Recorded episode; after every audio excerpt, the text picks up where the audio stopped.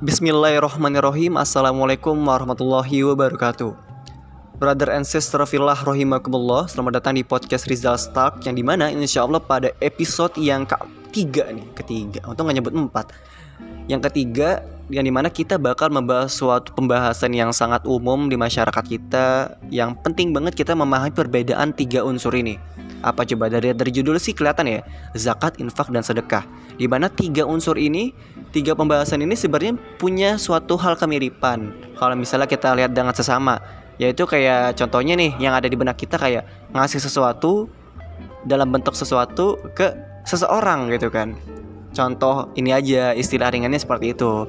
Nah cuman kalau misalnya kita lihat dari segi pendekatan bahasa dan istilah teman-teman semua kayak zakat, infak dan sedekah ini memiliki perbedaan yang sangat jelas loh teman-teman. Kayak misalnya gini loh, zakat merupakan harta yang wajib dikeluarkan dengan syarat tertentu.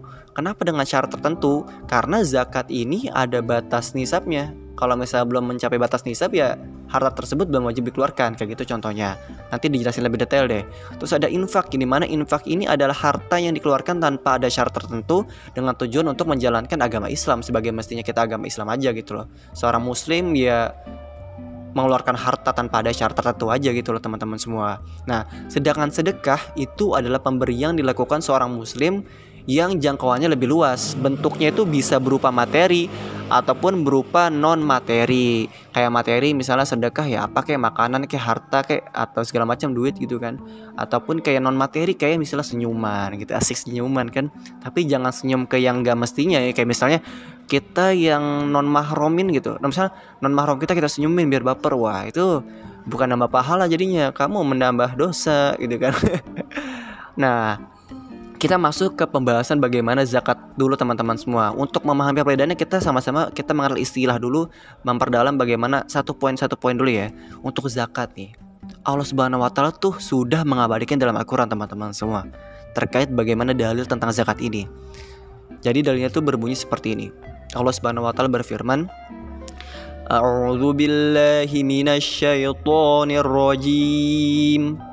بسم الله الرحمن الرحيم يا أيها الذين آمنوا أنفقوا من طيبات ما كسبتم ومما أخرجنا لكم من الأرض ولا تيمموا الخبيث منه تنفقون ولستم بآخذه إلا أن تغمدوا فيه واعلموا أن الله غني حميد Artinya teman-teman semua Hai orang-orang yang beriman, nafkahkanlah di jalan Allah sebagian dari hasil usahamu yang baik-baik dan sebagian dari apa yang kami keluarkan dari bumi untuk kamu. Dan janganlah kamu memilih yang buruk-buruk lalu kamu menafkahkan daripadanya. Padahal kamu sendiri tidak mau mengambilnya, melainkan dengan memincingkannya mata terhadapnya. Dan ketahuilah bahwa Allah maha kaya lagi maha terpuji. Masya Allah teman-teman semua. Nah, terkait bahasa dan istilah kita coba perdalam lagi nih ya terkait antara zakat apa infak dan sedekah ini. Nah, jadi gini. Untuk zakat dulu pertama, kan tadi kita udah menjelaskan dalil tentang zakat. Jadi zakat ini teman-teman berasal dari kata zakah yang berarti bersih, suci, subur ataupun berkembang. Dan secara istilah zakat itu adalah sebagian harta yang wajib dikeluarkan oleh setiap muslim, teman-teman semua. Sorry, ada iklan tadi untuk diberikan kepada mustahik. Mustahik ini siapa Jal? Kok harta kita diberikan oleh mustahik? Mustahik itu adalah orang yang berhak menerima zakat. Dan mustahik ini ada delapan golongan. Yang pertama ada fakir. Fakir itu lebih parah daripada miskin. Yang kedua miskin, yang ketiga amil alias panitia zakat, yang keempat itu mualaf, yang kelima itu budak, yang ketiga itu yang keenam itu algorim. Gorim itu adalah orang yang punya hutang, tapi hutangnya bukan hutang yang ya kayak kayaknya setiap orang sebenarnya punya hutang sehingga setiap orang juga sih maksudnya ini bukan hutang-hutang yang ringan tapi hutang yang udah tergolong berat banget. Kayak dia udah terlilit utang itulah kacau banget pokoknya itu algorim dan itu berhak menerima zakat dia. Dan terus ada visabilillah itu ada kayak orang yang berjuang di jalan Allah gitu loh. Kayak misalnya imam masjid marbot masjid itu jatuhnya ke visabilillah gitu. Terus ada lagi ibnu sabil itu yaitu seorang musafir teman-teman semua. Itu ya jelas ya. Dan kita lanjut ke next pembahasan bagaimana infak itu pengertian secara bahasa istilah seperti apa.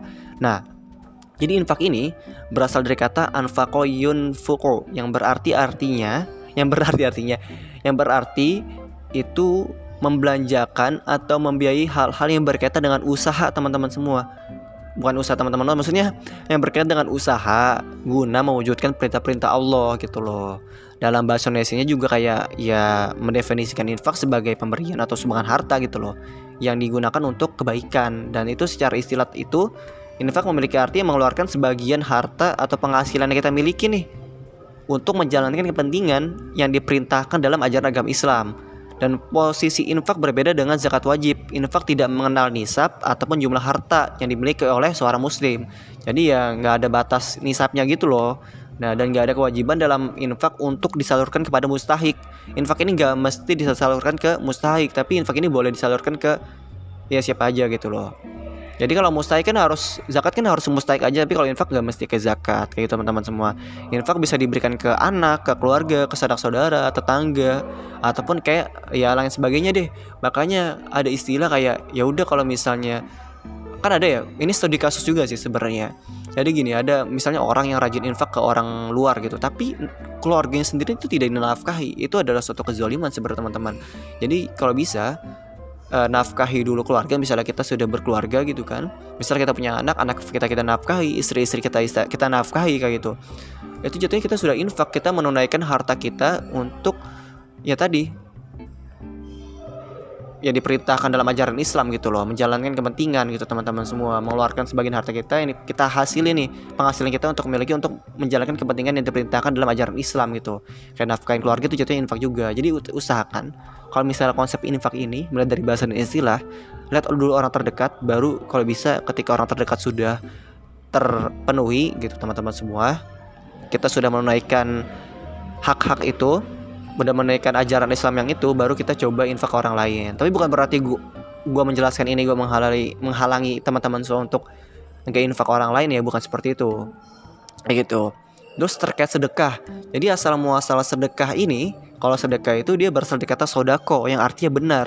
Dan secara istilah sedekah itu adalah pemberian dilakukan oleh seorang muslim nih teman-teman kepada seorang muslim juga dengan secara ikhlas dan sukarela, nggak terbatas waktu ataupun nggak terbatas jumlah tertentu. Dan sedekah juga memiliki semesta yang lebih luas lagi-lagi semesta. Semesta maksudnya apa sih Jal? Maksudnya lebih jangkauan yang lebih luas gitu daripada zakat dan infak. Kalau sedekah itu bisa berupa bentuk materi ataupun juga non materi gitu. Kayak misalnya senyum adalah sedekah, yang merupakan sedekah sendiri adalah non materi gitu kan. Ya kita senyum, tapi tadi kayak dijelasin di awal, awas senyumnya digunakan untuk hal-hal yang sangat syar'i. Maksudnya syar'i ini bukan urgen apa darurat tapi kayak lu nggak boleh senyum ke non mahrom lo gitu kan untuk menggoda-godai untuk menggembal-gembalin wah itu adalah menyalahgunakan ini anda menyalahgunakan sesuatu itu. Nah kayak gitu teman-teman semua. Jadi ya siapa pun akhirnya bisa melaksanakan ibadah sedekah walaupun nggak memiliki sepeser materi pun gitu. Terus tadi kan udah dijelasin ya bagaimana perintah wajib zakat dan ternyata tuh banyak banget selain ayat yang tadi ada juga surat at-taubah teman-teman semua yang di mana artinya tuh ambillah zakat dari sebagian harta mereka yang dengan zakat itu kamu membersihkan dan mensucikan mereka dan mendoalah untuk mereka. Jadi secara langsung ketika kita berzakat kita membersihkan harta kita nih teman-teman semua. Sebagaimana surat At-Taubah tadi menjelaskan. Jadi sesungguhnya doa kamu itu menjadi ketentraman jiwa bagi mereka dan Allah Maha mendengar lagi Maha mengetahui. Quran surat At-Taubah ayat 9 eh ayat 9 salah. Surat At-Taubah surat ke-9 ayat ke 103 gitu teman-teman semua. Terus ada lagi nih dalil tentang zakat yang di mana artinya apakah kamu takut akan menjadi miskin karena kamu memberikan sedekah sebelum mengadakan pembicaraan dengan Rasul. Maka jika kamu tiada memperbuatnya dan Allah telah memberi taubat kepadamu, maka dirikanlah sholat, tunaikan zakat, taatlah kepada Allah dan Rasulnya, dan Allah maha mengetahui apa yang kamu kerjakan. Quran Surat Al-Mujadilah ayat 13 Itu salah satu dalil-dalil yang tadi teman-teman terkait zakat Terus anjuran Allah juga ada tahu terkait infak itu emang infak itu dianjurkan ya? Ya dianjurkan dong. Infak itu kebaikan loh. Nah, dalam Al-Qur'an infak itu bersifat perintah yang sangat dianjurkan. Tapi dalam kutip bukan wajib, tapi sifat yang sangat dianjurkan. Kalau coba kita telah kita pelajari ya. Nah, tidak memiliki syarat wajib kayak zakat. Tuh, nah, cuman kalau misalnya kita ngelaksanainnya Allah bakal memberikan balasan yang di mana gede banget kayak pahala nggak terputus kayak ada 54 ayat yang di mana ngebahas tentang infak teman-teman semua di dalam Al-Quran dan beberapa di antaranya tuh ada yang arti gini Hai orang-orang yang beriman, belanjakanlah di jalan Allah sebagian dari rezeki yang telah kami berikan kepadamu. Itu Al-Baqarah ayat 254. Terus ada lagi Quran surat Ali Imran gitu. Dan bersegeralah kamu kepada ampunan dari Tuhanmu dan kepada surga yang luasnya seluas-luas langit dan bumi yang dia sediakan untuk orang-orang yang bertakwa yaitu orang-orang yang menafkahkan hartanya baik di waktu lapang maupun sempit dan orang-orang yang menahan amarahnya dan memaafkan kesalahan orang orang menyukai orang yang berbuat kebajikan tuh teman-teman ingat tuh memberikan harta walaupun lapang ataupun sempit. Itu wah ganjarannya kacau banget. Surga cuy. Terus ada lagi surat Anisa itu bagi laki-laki ada hak bagian dari harta peninggalan ibu bapak dan kerabatnya. Dan bagi orang wanita ada hak bagian pula dari harta peninggalan ibu bapaknya baik sedikit ataupun banyak menurut bagian yang telah ditetapkan. Dan apabila sewaktu-waktu pembagian itu hadir kerabat anak yatim dan orang miskin maka berilah mereka harta itu. Berilah mereka harta itu. Sekedarnya dan ucaplah kepada mereka perkataan yang baik. Jadi ada hak juga lah hak juga. Tapi ini jatuhnya bukan hak zakat ya tapi kayak ketika lo punya harta yaudah coba kasihin lah ke orang-orang yang memang berhak itu loh. Cuman berhaknya bukan untuk wajib kalau infak ini gitu loh teman-teman semua.